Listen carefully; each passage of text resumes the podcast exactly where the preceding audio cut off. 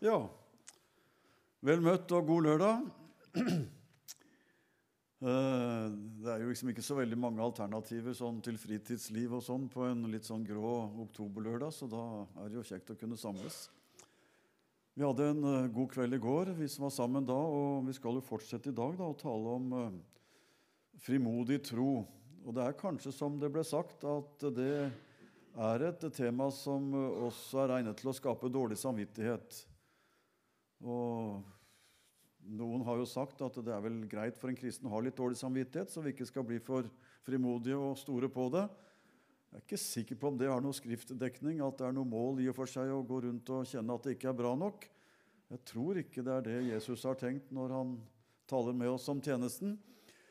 Så derfor er det viktig at det vi skal snakke om nå, dere, ikke er sånn som, eh, som gir oss en opplevelse at det er veldig stor avstand mellom det jeg er, og det jeg skulle ha vært.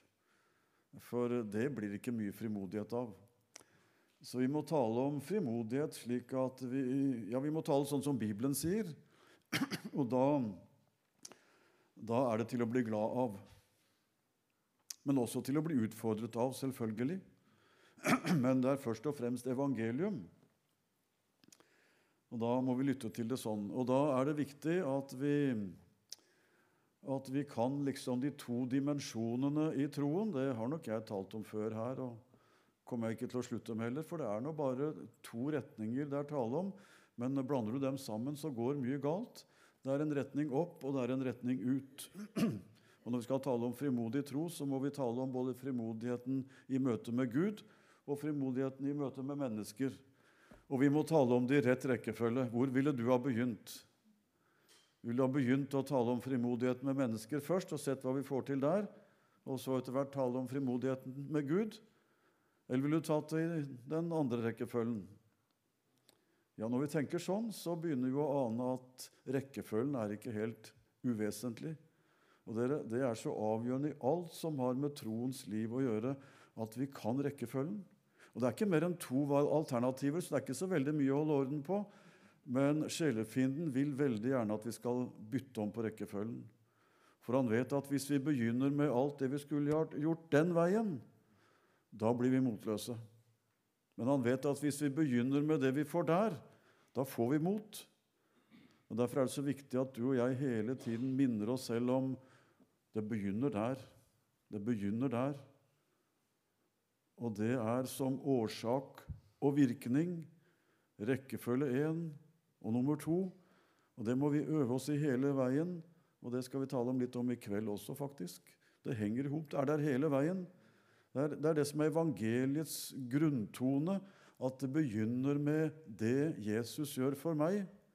Og så skal jeg gå ut og ikke erstatte han, men sammen med han også møte mennesker. Du må ikke glemme den evangeliske rekkefølgen. Først opp, og så ut. Om igjen og om igjen hver dag. Ikke tenk først på det du skulle ha gjort, men tenk først på det han har gjort. Alt blir annerledes da. Og Derfor begynner vi med å lese fra hebreerbrevet. Jeg har talt en del om hebreerbrevet det siste, og det, det er et veldig flott brev. Det er bare å anbefale å lese. Men nå skal vi bare hoppe rett inn i noe som hebreerbrevet er opptatt av. Hebreerbrevet taler jo veldig mye om Jesus som øverste prest. Det har du kanskje lest, eh, fått med deg når du leser hebreerbrevet. Jesus som den øverste presten, som en gang for alle har båret seg selv fram som offer for Gud. Mens Aron og hans etterfølgere i jødenes gudstjeneste de måtte bære fram offeret gang etter gang og år etter år. Og det var ikke så mye å bære fram hvis de kom selv, så de måtte ha med lyteløse ofre som Gud tok imot, og så ble synden sonet. Gang etter gang, år etter år. Og så tok Gud imot det fordi Gud gjorde noe som de ikke visste rekkevidden av. Han lot hvert eneste offer i den gamle pakt være en forskuddsutbetaling fra Golgata. For dekningen for alle ofrene i gamle pakt lå ikke i øversteprestens kvaliteter, men dekningen lå lenger framme. For Jesus i hebreerbrevet døde og ga seg selv én gang for alle.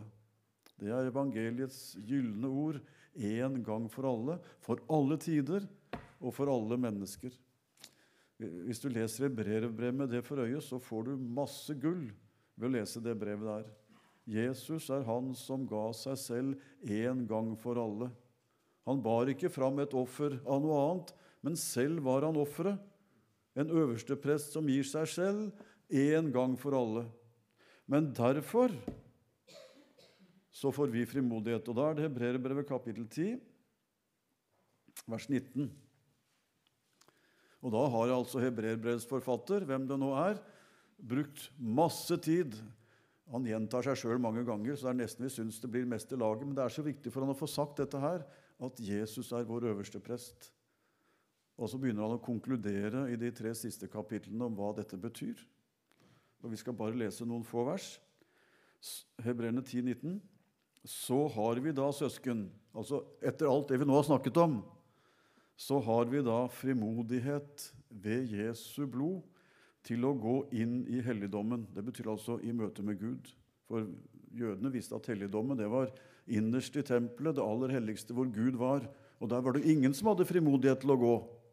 Og så sier hebreerbrevet nå har vi i kraft av Jesu blod frimodighet til å gå helt inn i helligdommen, i møte med Gud. Dit han, altså Jesus, har gått og han har innviet en ny og hør, levende vei for oss gjennom forhenget. For det var jo sånn i den gamle pakts tid. Forhenget, og der måtte ingen gå innenfor. De fleste fikk ikke inn i rommet foran engang. Men innenfor forhenget, som er hans kropp Jesus er den som er døren inn, står det i hyrdekapittelet Johannes 10. Og siden vi har så stor en prest over Guds hus, Jesus, han som ga seg en gang for alle, så la oss komme fram med oppriktig hjerte og full visshet i troen, med hjertet renset for vond samvittighet og kroppen badet i rent vann. Du vet, det, her er, det, er, det er jo ord på ord. Hun skulle holdt bibeltime om den alle sammen. Det er ikke mange vers i Bibelen som er så komprimerte som dette på fint. Det er liksom Du putter alt inn og får sagt det med noen få setninger, så vi må slite med å få med oss alt. Men det vi skal gjøre, det er å lese dette som et ord om frimodighet i møte med Gud. For den vonde samvittighet, som alltid er der når vi ser at det er avstand mellom hva jeg er, og hva jeg skulle ha vært, hvor kan den bli leget? Bare ett sted. Der hvor vi møter Han som ga seg selv for oss en gang for alle. Vi skal komme fram med oppriktig hjerte og full visshet i troen, står det, og hjertet renset for vond samvittighet. Så den frimodigheten i møte med Gud som vi taler først om, for vi må holde rekkefølgen her ikke sant? Alltid begynne med det som skjer i møte med Gud, frimodighet i møte med Han, før vi taler om frimodighet i møte med mennesker. Og frimodighet i møte med Gud, den har jeg når jeg kommer til Han som tar meg med inn til Far og sier at 'Svein, du er velkommen med, vi skal gå sammen'. Der hvor Aron bare kunne gå én gang om året, kan jeg gå daglig. Ikke dårlig. Det kan du òg, og det håper jeg du gjør. Og du kan gå daglig fordi det er en som en gang for alle har åpnet veien. Fordi han bar seg selv fram som offer. Og da må det ikke gjentas. Og dere, Det offeret gir altså, ifølge brerebrevets uttrykk, en gang for alle, så gir det offeret som Jesus bar fram, det gir full dekning, for å tale bankspråket, både for det som er tatt ut på forskudd, og det som du har behov for å ta ut i ettertid. Og alle som har slitt litt med gjeld og innskudd og uttak og må beregne hva man har dekning for, aner noe om hva det er å vite at det er full dekning hele tiden. Og de som kom med sine offerdyr i den gamle pakt, de bare skjønte at det fantes en måte å få fred med Gud på, og det var å bære fram offeret. Og så holdt de seg til det Gud hadde lovet, og så var det dekning. Men de ante ikke at dekningen lå langt framme, for det var en som ga seg selv en gang for alle, også for dem i den gamle pakt. Og hvis vi nå skulle være så heldige i saligheten å få drikke kaffe med noen av dem fra den gamle pakt, så kunne vi jo sammen snakke om at det var greit med forskudd, og det var greit å få dekning i ettertid også. For eh, vi har den gode samvittighet ifra den samme kilde. Fordi det var en som var øversteprest av et helt annet vis, som har gått innenfor forhenget, og som ikke kom der som en fremmed gjest, men egentlig hørte han til der. Jesus hørte til der hvor Gud var i sin opphøyde tilstand, men så forlot han det for å gjøre oss den tjeneste vi ikke kunne, nemlig ofre seg selv.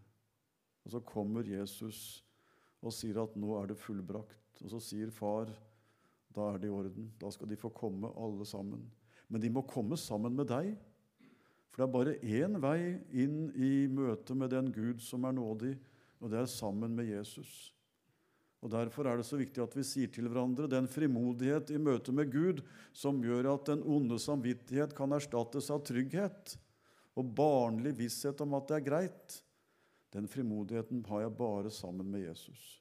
Det er derfor vi skal tale i kveld enda litt mer om å ha blikket på Han. Men eh, det er veldig greit å si litt om det nå også. For frimodigheten, den har du i samme grad som du først kommer til Gud i troen på Han. Så vi leser en gang til dere, og hør hvordan det står, og si at dette gjelder deg. Så har vi da søsken frimodighet ved Jesu blod til å gå inn i helligdommen. Og Det betyr altså for deg at hver dag, morgen som kveld, så kan du folde hendene og be til Gud og si 'Jeg kommer i Jesu navn'. På Jesu regning. Og da sier Gud 'Du er så velkommen', for det er betalt. Vær frimodig. Ja, men jeg har gjort så mye dumt. Vær frimodig, det er sonet. Dit han gikk og har innviet en ny og levende vei for oss. 'Jeg er veien', sier Jesus. Gjennom forhenget, som er hans kropp, og da er du i bildet av døren som han taler om i Johannes 10. Og siden vi har så stor en prest over Guds hus, altså hele Kristi kirke på jord, så kan vi komme fram med oppriktig hjerte og full visshet i troen. Og Det er jo et tema for seg selv, da, å ha visshet. Hvis vi er litt ærlige, så er det ikke alle dager vi har like stor visshet. Hva skal vi gjøre med det, da? Vi må ikke tenke at det er greit å ha litt uvisshet av og til, for da holdes jeg nede. Gud tenker ikke sånn. Han ønsker deg velkommen hele veien for å lytte til det ordet om at det er fullbrakt. Og da får jeg visshet. Hebreerbrevet taler, jeg bare nevner i forbifarten, så kan du lese det sjøl. I Hebreerbrevet 6, vers 19 så står det om et anker som er kastet, og som når innenfor forhenget. Og Da bruker altså hebreerbrevet bildet av ankeret som skal sikre at båten ikke driver av i brenninger og stormkast, men ligger forankret og er fortøyd inntil uværet er over. Og livets eh, seilas den gir også av og til behov for å bli ankret opp. Og da på de dagene så må du ikke kaste ankeret ned i ditt eget lasterom. Det er jo dårlig sjømannskap, vil nok de fleste si. Hvis et anker skal holde en liten båt trygt fortøyd, så må det festes i grunnen utenfor. Troens anker, som gjør at du har visshet, den må du ikke kaste i ditt eget lasterom, dvs. Si i dine egne erfaringer. Det er det mange kristne som gjør. For vissheten den må vel bekreftes av at jeg synes jeg har lykkes sånn noenlunde. Og da sier Gud det blir veldig opp og ned. Da blir det tungt noen dager og en og annen god dag og mange grå. Gud unner deg noe annet. Han sier at du må kaste visshetens anker. Det må du kaste utenfor båten, og ikke i havets dyp. Men du skal følge den ankerkjettingen som forsvinner bak tidens forheng inn i den evighet hvor Jesus allerede er. For det står i Hebreerne 6 at han er vår øverste prest, som har gått inn bak forhenget, og så taler han vår sak for Gud. Så hvis du sliter med frelsesvisshet, så er det også hebreerbrevet som har gode ord å gi om den fulle visshet. Full visshet i troen, fordi du vet at troens ankerkjetting den kan jeg ta tak i, akkurat som du kjenner i ankerkjettingen som forsvinner ned under bølgene. Så tar du tak i ankerkjettingen som forsvinner bak tidens forheng. Og det du tar tak i, det er alle ordene om Jesus, som er en soning for våre synder, som er veien, sannheten og livet, som er det som jeg ikke er, og så kjenner du at denne ankerkjettingen holder. Og da er vissheten der, fordi du vet at du er forankret i Han. Og det gir frimodighet i møte med Gud. Visshet i troen, med hjertet renset for vond samvittighet, står det. Så dere, dette er frimodigheten opp. Og den må vi stadig tale om, og så må du ikke glemme rekkefølgen, da. Ikke tenk på den når det er ille, og når ting har mislykkes. Og så tenker jeg men da må jeg huske det der. Så kommer det liksom i etterskudd. Det er så dumt. For Gud vil gi deg det først. For det er da du kan gå ut i en verden som er krevende, og vite at du har en forankring som ingen kan ta fra deg. Men glemmer du den, så blir det krevende å være frimodig i verden. Og jeg tror det er der mye av vår nød ligger, at vi glemmer den evangeliske rekkefølgen. Og Derfor prøver jeg ofte å tale om det, da, sånn at vi får orden på sakene. Og det er bare å huske hva er først, og hva er nummer to. Hva skal du gjøre først? Og se opp og se jeg har en bror som ved Guds side, som alltid taler og ber for meg.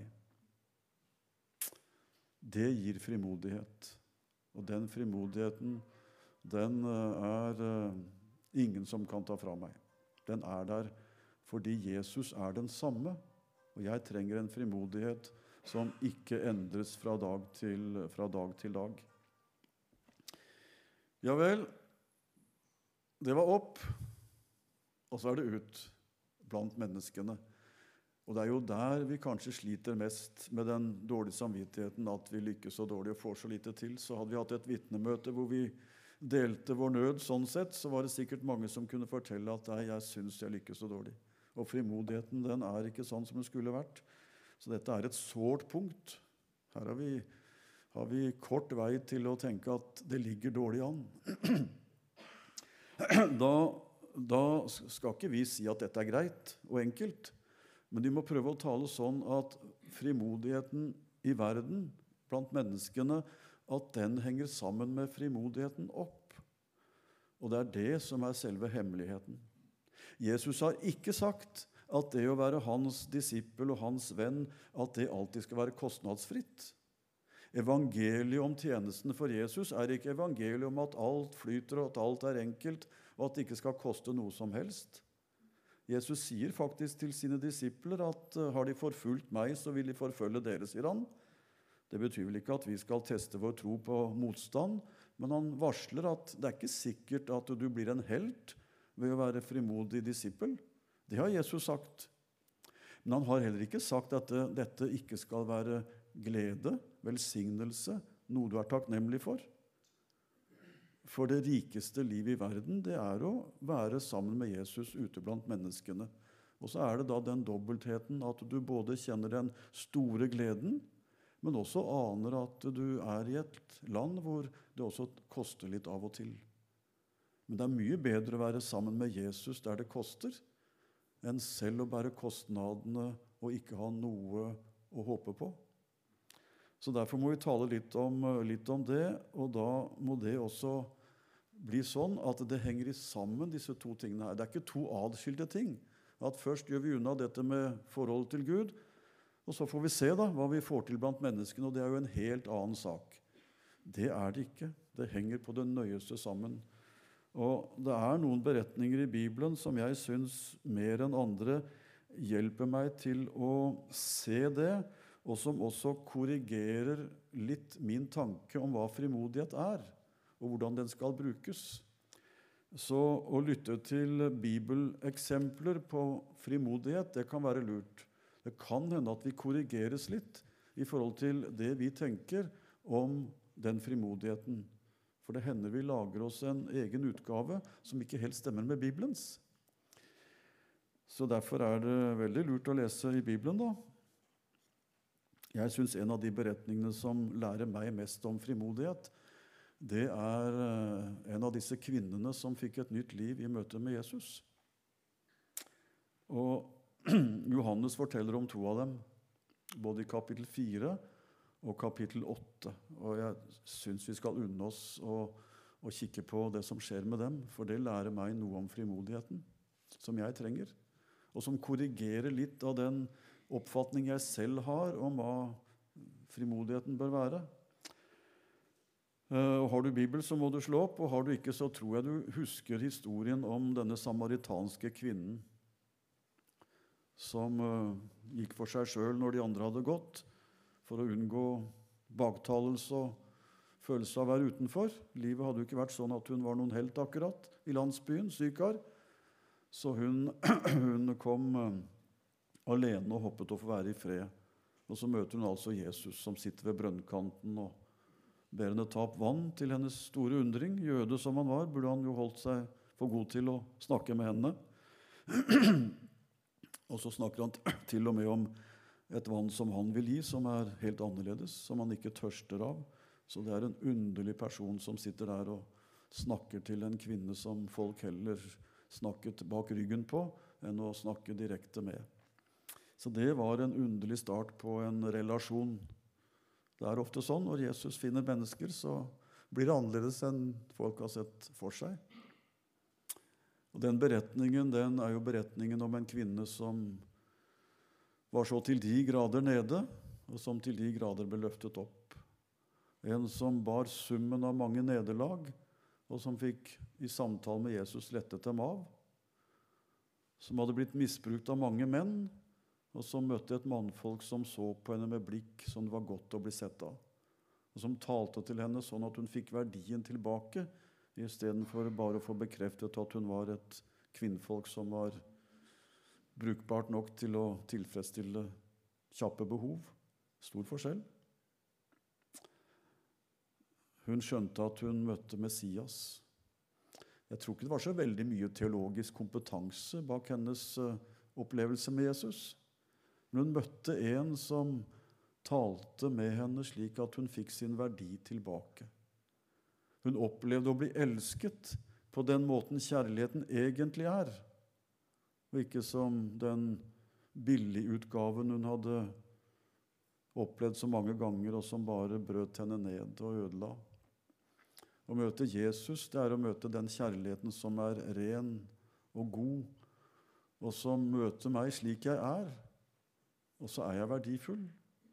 Så jeg skulle veldig gjerne fløyet som en liten fugl over de to som satt og snakket sammen der på brønnen, og sett den forandringen som jeg er nesten helt sikker på måtte være synlig i løpet av den halvtimen eller hva det var de brukte på denne samtalen. Å se en sliten, nedtrykt kvinne som retter ryggen, og det er som om rynkene forsvinner, og hun ser ikke lenger ned, men hun ser opp og ser Jesu øyne og ser en som elsker henne på den måten som er god. Og du vet, Når vi blir elsket av Han, da våger vi å elske oss selv. Og det skal vi gjøre. Frimodighet som ikke forutsetter at jeg er glad i meg selv, den blir ofte ødeleggende. Vi skal elske hverandre som vi elsker oss selv. Elsk de neste som du elsker deg selv, sier Bibelen. Ja, men vi skal da vel ikke elske oss selv? Jo, det er et av de store hindrene for vår frimodighet, at vi ikke våger å se oss selv med Jesu blikk. Og denne kvinnen, hun så det, og så så hun at hun som alle foraktet, var verdifull. Og det ga henne den frimodigheten som hun aldri hadde hatt. Og den omsatte hun ganske raskt i en tur tilbake til byen for å dele det hun hadde opplevd. Og det var ikke en sånn strategisk overveielse at det er vel litt for godt til å holde for seg sjøl der, så jeg får kanskje si litt om det. Det virker som om det kom så selvfølgelig at det var det, det, Hun kunne ikke gjøre noe annet. Fordi møtet med Jesus, hvor hun så at hun var elsket, og hun så at hun fikk lov å elske seg selv, for hun var jo verdifull, hun også, det ga henne en frimodighet som ikke var teologisk overveid, men som var spontan fordi den var en frukt av møtet med Jesus. Og hvor er vi her nå? Jo, vi er i dette enkle skjemaet vårt. Først opp, og så ut. Og hun fikk en ny frimodighet i møte med Gud fordi hun møtte en som tilga, og som fortalte henne at du er så høyt elsket. Hun fikk så vidt forskudd, hun også. Var ikke så lenge fram før gjelden skulle betales. og dekningen innfris. Hun var en av de siste som fikk forskudd fra Golgata. Det var vel bare noen måneder før så, så var dekningen innfridd. Men Jesus, som i Det gamle testamentet, prestene, delte forskudd ut av det innskudd som Golgata alt gir dekning for. Og hun fikk det. Og Beretningen fortsetter med at hun går inn til byen, lar vannkroka stå. Og så står hun i den vesle Storgata og roper til folk, 'Kom og se en mann som har sagt meg alt jeg har gjort.' Kan du tenke deg hvilken frimodighet? Jeg tror ikke hun vurderte det i det hele tatt sånn. Hvis hun hadde hørt oss preke her, så ville hun sagt, 'Oi sann, ja, så langt tenkte jeg ikke.' Men jeg måtte bare dele det. For jeg hadde jo fått det største som var, og livet mitt var blitt nytt. Jeg kunne jo ikke holde det for meg selv. Den frimodigheten var ingen taktisk, strategisk overveining i et komitémøte, men det var et behov som sprang fram av at Jesus hadde gjort noe med henne. Hun kunne jo ikke la være å dele det. Nå skal vi legge merke til hvordan denne frimodigheten ytrer seg. For der kan det også hende at dine og mine tanker om frimodighet korrigeres litt. Vi har jo gjerne vår definisjon av hva vi burde, ikke sant? Hva vi burde. Det har vi tenkt mye over. Eh, hun hadde ikke tenkt så mye, men hun måtte fortelle. Og legge merke til hva hun gjør. Hun sier ikke at 'nå har jeg et par argumenter som jeg ikke har tenkt på før'. Jeg har lest i Profeten, og det står jo sånn og sånn. Har dere lyst til å høre hva jeg har tenkt? Da ville de stengt gluggen og latt henne prate for seg sjøl. Men de hørte henne rope, og når de så, så så du en kvinne som var forandret. Hun så ikke ned, hun så opp. Hun var ikke engstelig for blikkene deres, men hun så dem i øynene og ville at de skulle se. Og Hun ville så gjerne låne ørene deres, for hun hadde opplevd noe som hadde endret livet hennes. Og det så de. Det så de. Hva er det hun deler? Ikke et argument. Hva er det hun vil? Ikke vinne en debatt. Hun må bare dele det som har skjedd med henne.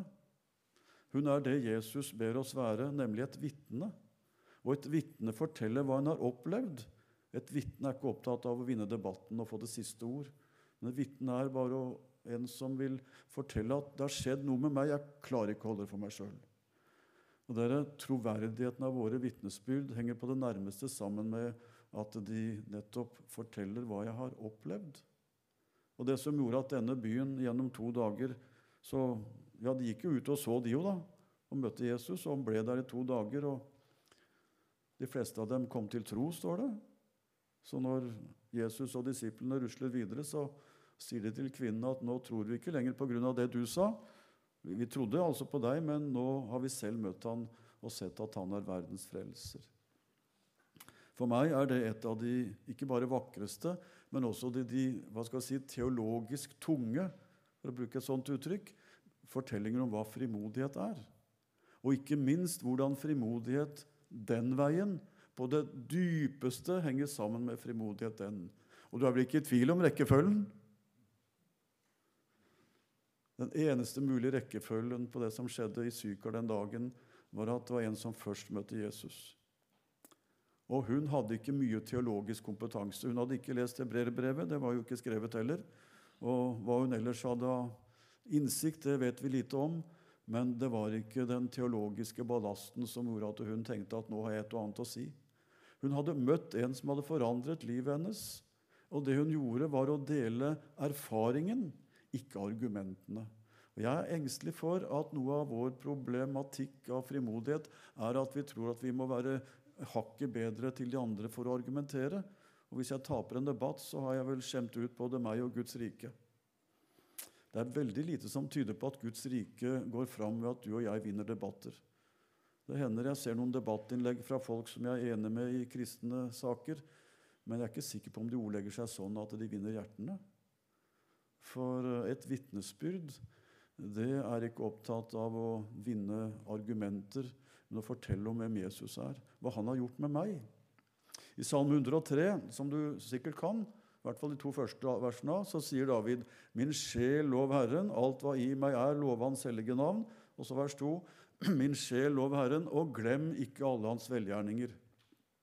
Så kan man jo lure hva David mener med det. Jeg vil jo gjette på at David ikke er helt fremmed for at det å fortelle om hvor god Gud er, Det er det viktig å gjøre. Men da er det også om å gjøre at jeg husker da, velgjerningene hans. For det beste jeg kan dele med andre, det er å fortelle hva Jesus har gjort med meg. Og før vi går videre, så, så, så, så ta, skal vi ta den andre damen, da. Det står ikke så veldig mye om at hun gikk og delte med andre, men jeg tror det er veldig vanskelig å tenke seg at hun ikke gjorde det. I Johannes 8, hun som var grepet i hor, samme problemet. Det var nok av synder ellers også, så det er ikke bare at det er sex som har med synd å gjøre. Men disse to i hvert fall var noe anklaget for det. Og hun som mannfolkene sto klar til å stene, hun møtte, også hun møtte en annen mann. Det er godt det er litt forskjell på mannfolk, dere.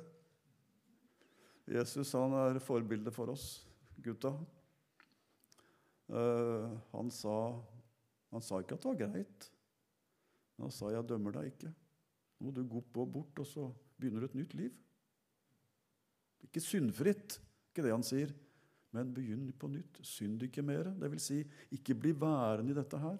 Nå kan du få lov å begynne på nytt. Du skal ikke kjenne stenene som treffer kroppen din, men hun møtte en som ga henne den varme som bare tilgivelsen kan gi. Så står det ikke mer om denne kvinnen, da, men det ville være veldig rart å tenke at ikke hun også møtte mennesker og sa det skulle bare visst den karen der. Kanskje kjente hun ham? Hvordan han møtte meg? Hva tror du var mest egnet til å forandre livet hennes? Domsordene fra de skriftlærde eller tilgivelsen fra Jesus? Og dere, Jesus er ikke sånn at han sier det er ikke så farlig. Det sa han verken til den første eller den andre av disse kvinnene. Jesus sier ikke det. Tvert imot er det ingen som taler så alvorlig om synden som Jesus. Men han er øverste presten som bar fram det offeret som gjør at vi får komme til han. Og det gir frimodighet. Det gir frimodighet.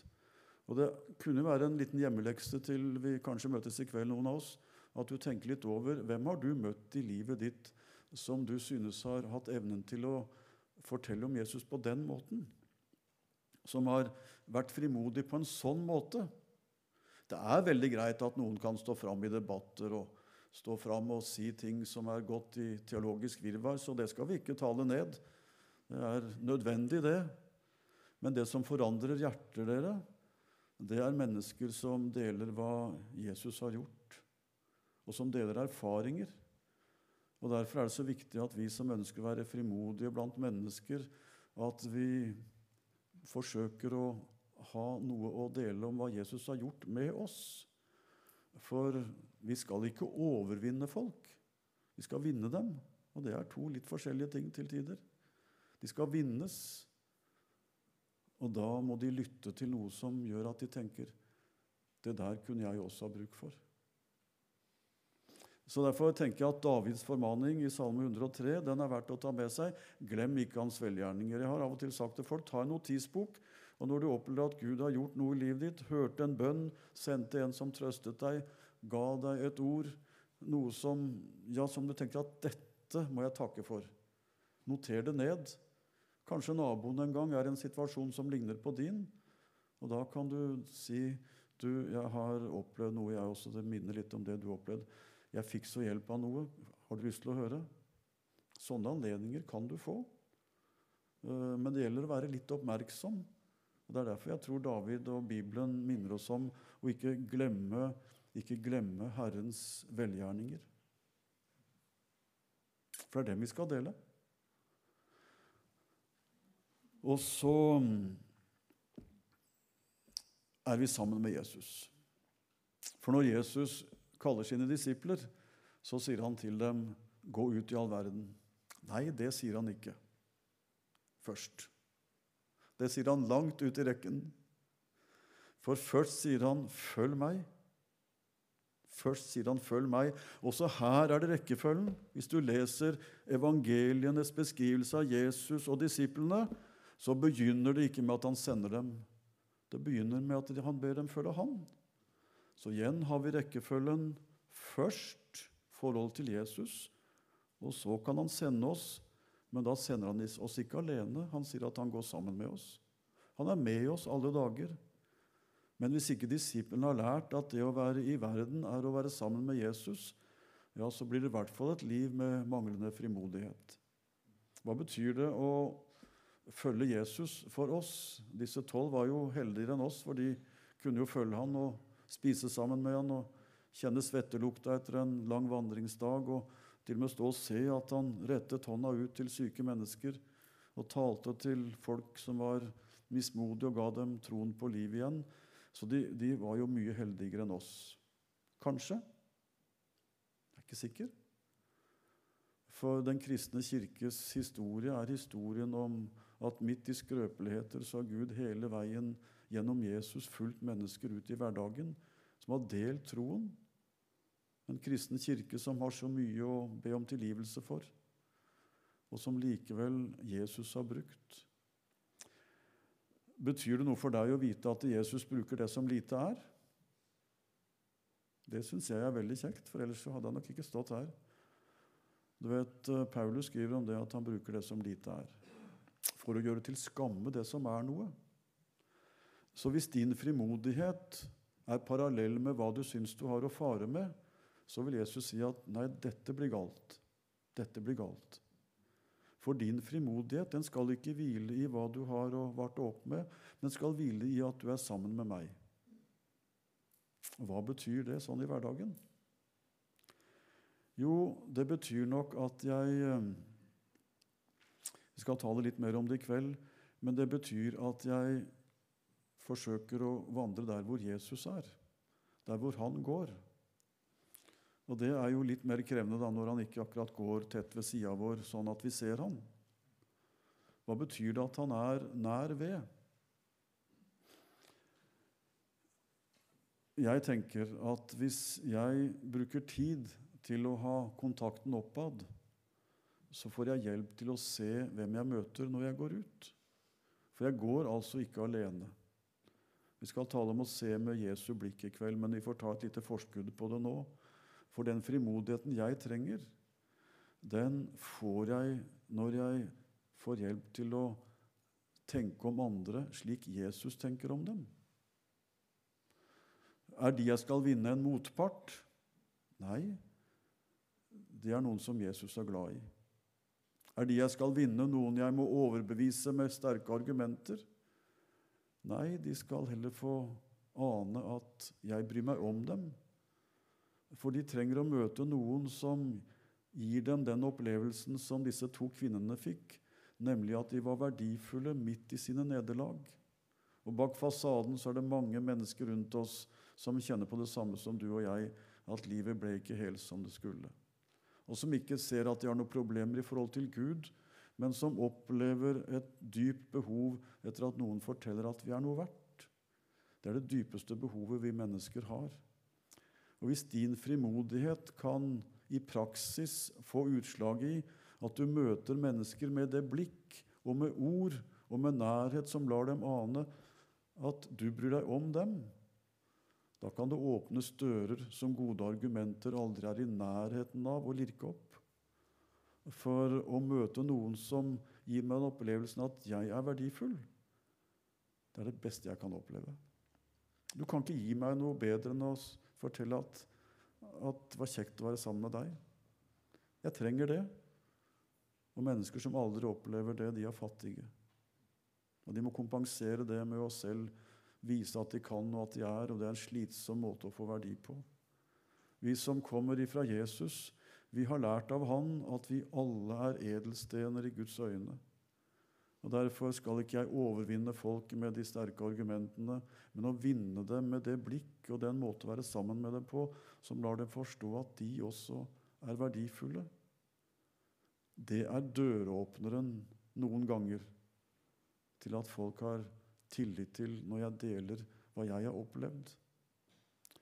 Så dere, frimodigheten den ligger ikke ved at vi tar oss veldig sammen og holder komitémøter om at nå må vi stå på, og så skal vi ha en aksjon.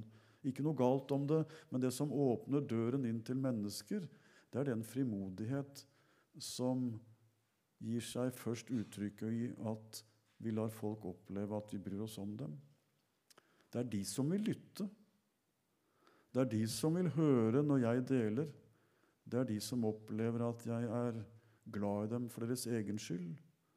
Ikke bare ser på dem som et erobringsobjekt som jeg skal få krysset av for, men som noen som jeg elsker. Også hvis jeg ikke klarer å vinne dem, for Gud er glad i dem hele veien. Dette må jeg øve meg i, for jeg har det ikke helt sånn. Jeg må jo bare tilstå det at i min hverdag så har jeg av og til folk som jeg ikke syns så veldig om. Eh, jeg har jo lært et lite knep, og det er at hvis jeg begynner å be for folk jeg liker dårlig, så gjør det et eller annet med måten jeg tenker om dem på. Noen som har prøvd på den? Veldig smart. De du er uvenner med, eller som du syns oppfører seg dårlig, eller som av ulike grunner ikke fortjener så veldig mye av din kjærlighet. Det kan godt hende du har rett, men hvis du har lyst til å være en som kunne få hjelp til å tenke annerledes, og ikke minst gjøre noe med deg selv, begynn å be for dem. Be mye for dem du sliter med å like. Det gjør noe med meg. Bønn er ikke bare en vei til å nå andre, men bønn slår tilbake på den som ber. Så be for dem som du sliter med helt å tenke sånn om, som vi taler om nå. Og hvis det er noen Gud minner deg om som du tenker at du kanskje kan være et redskap til å komme nærmere, så begynn å be. For da kan Gud kanskje gi deg anledninger som du ellers ikke ville ha sett. Det gjelder å se med Jesu blikk. Vi skal tale, tale mer om det i kveld. Nå vet jeg ikke, Torstein, Du sa at vi skulle ha samtale i dag. Tenker du at vi tar det som egen sekvens, eller hvordan hadde du tenkt det? Etter kaffen?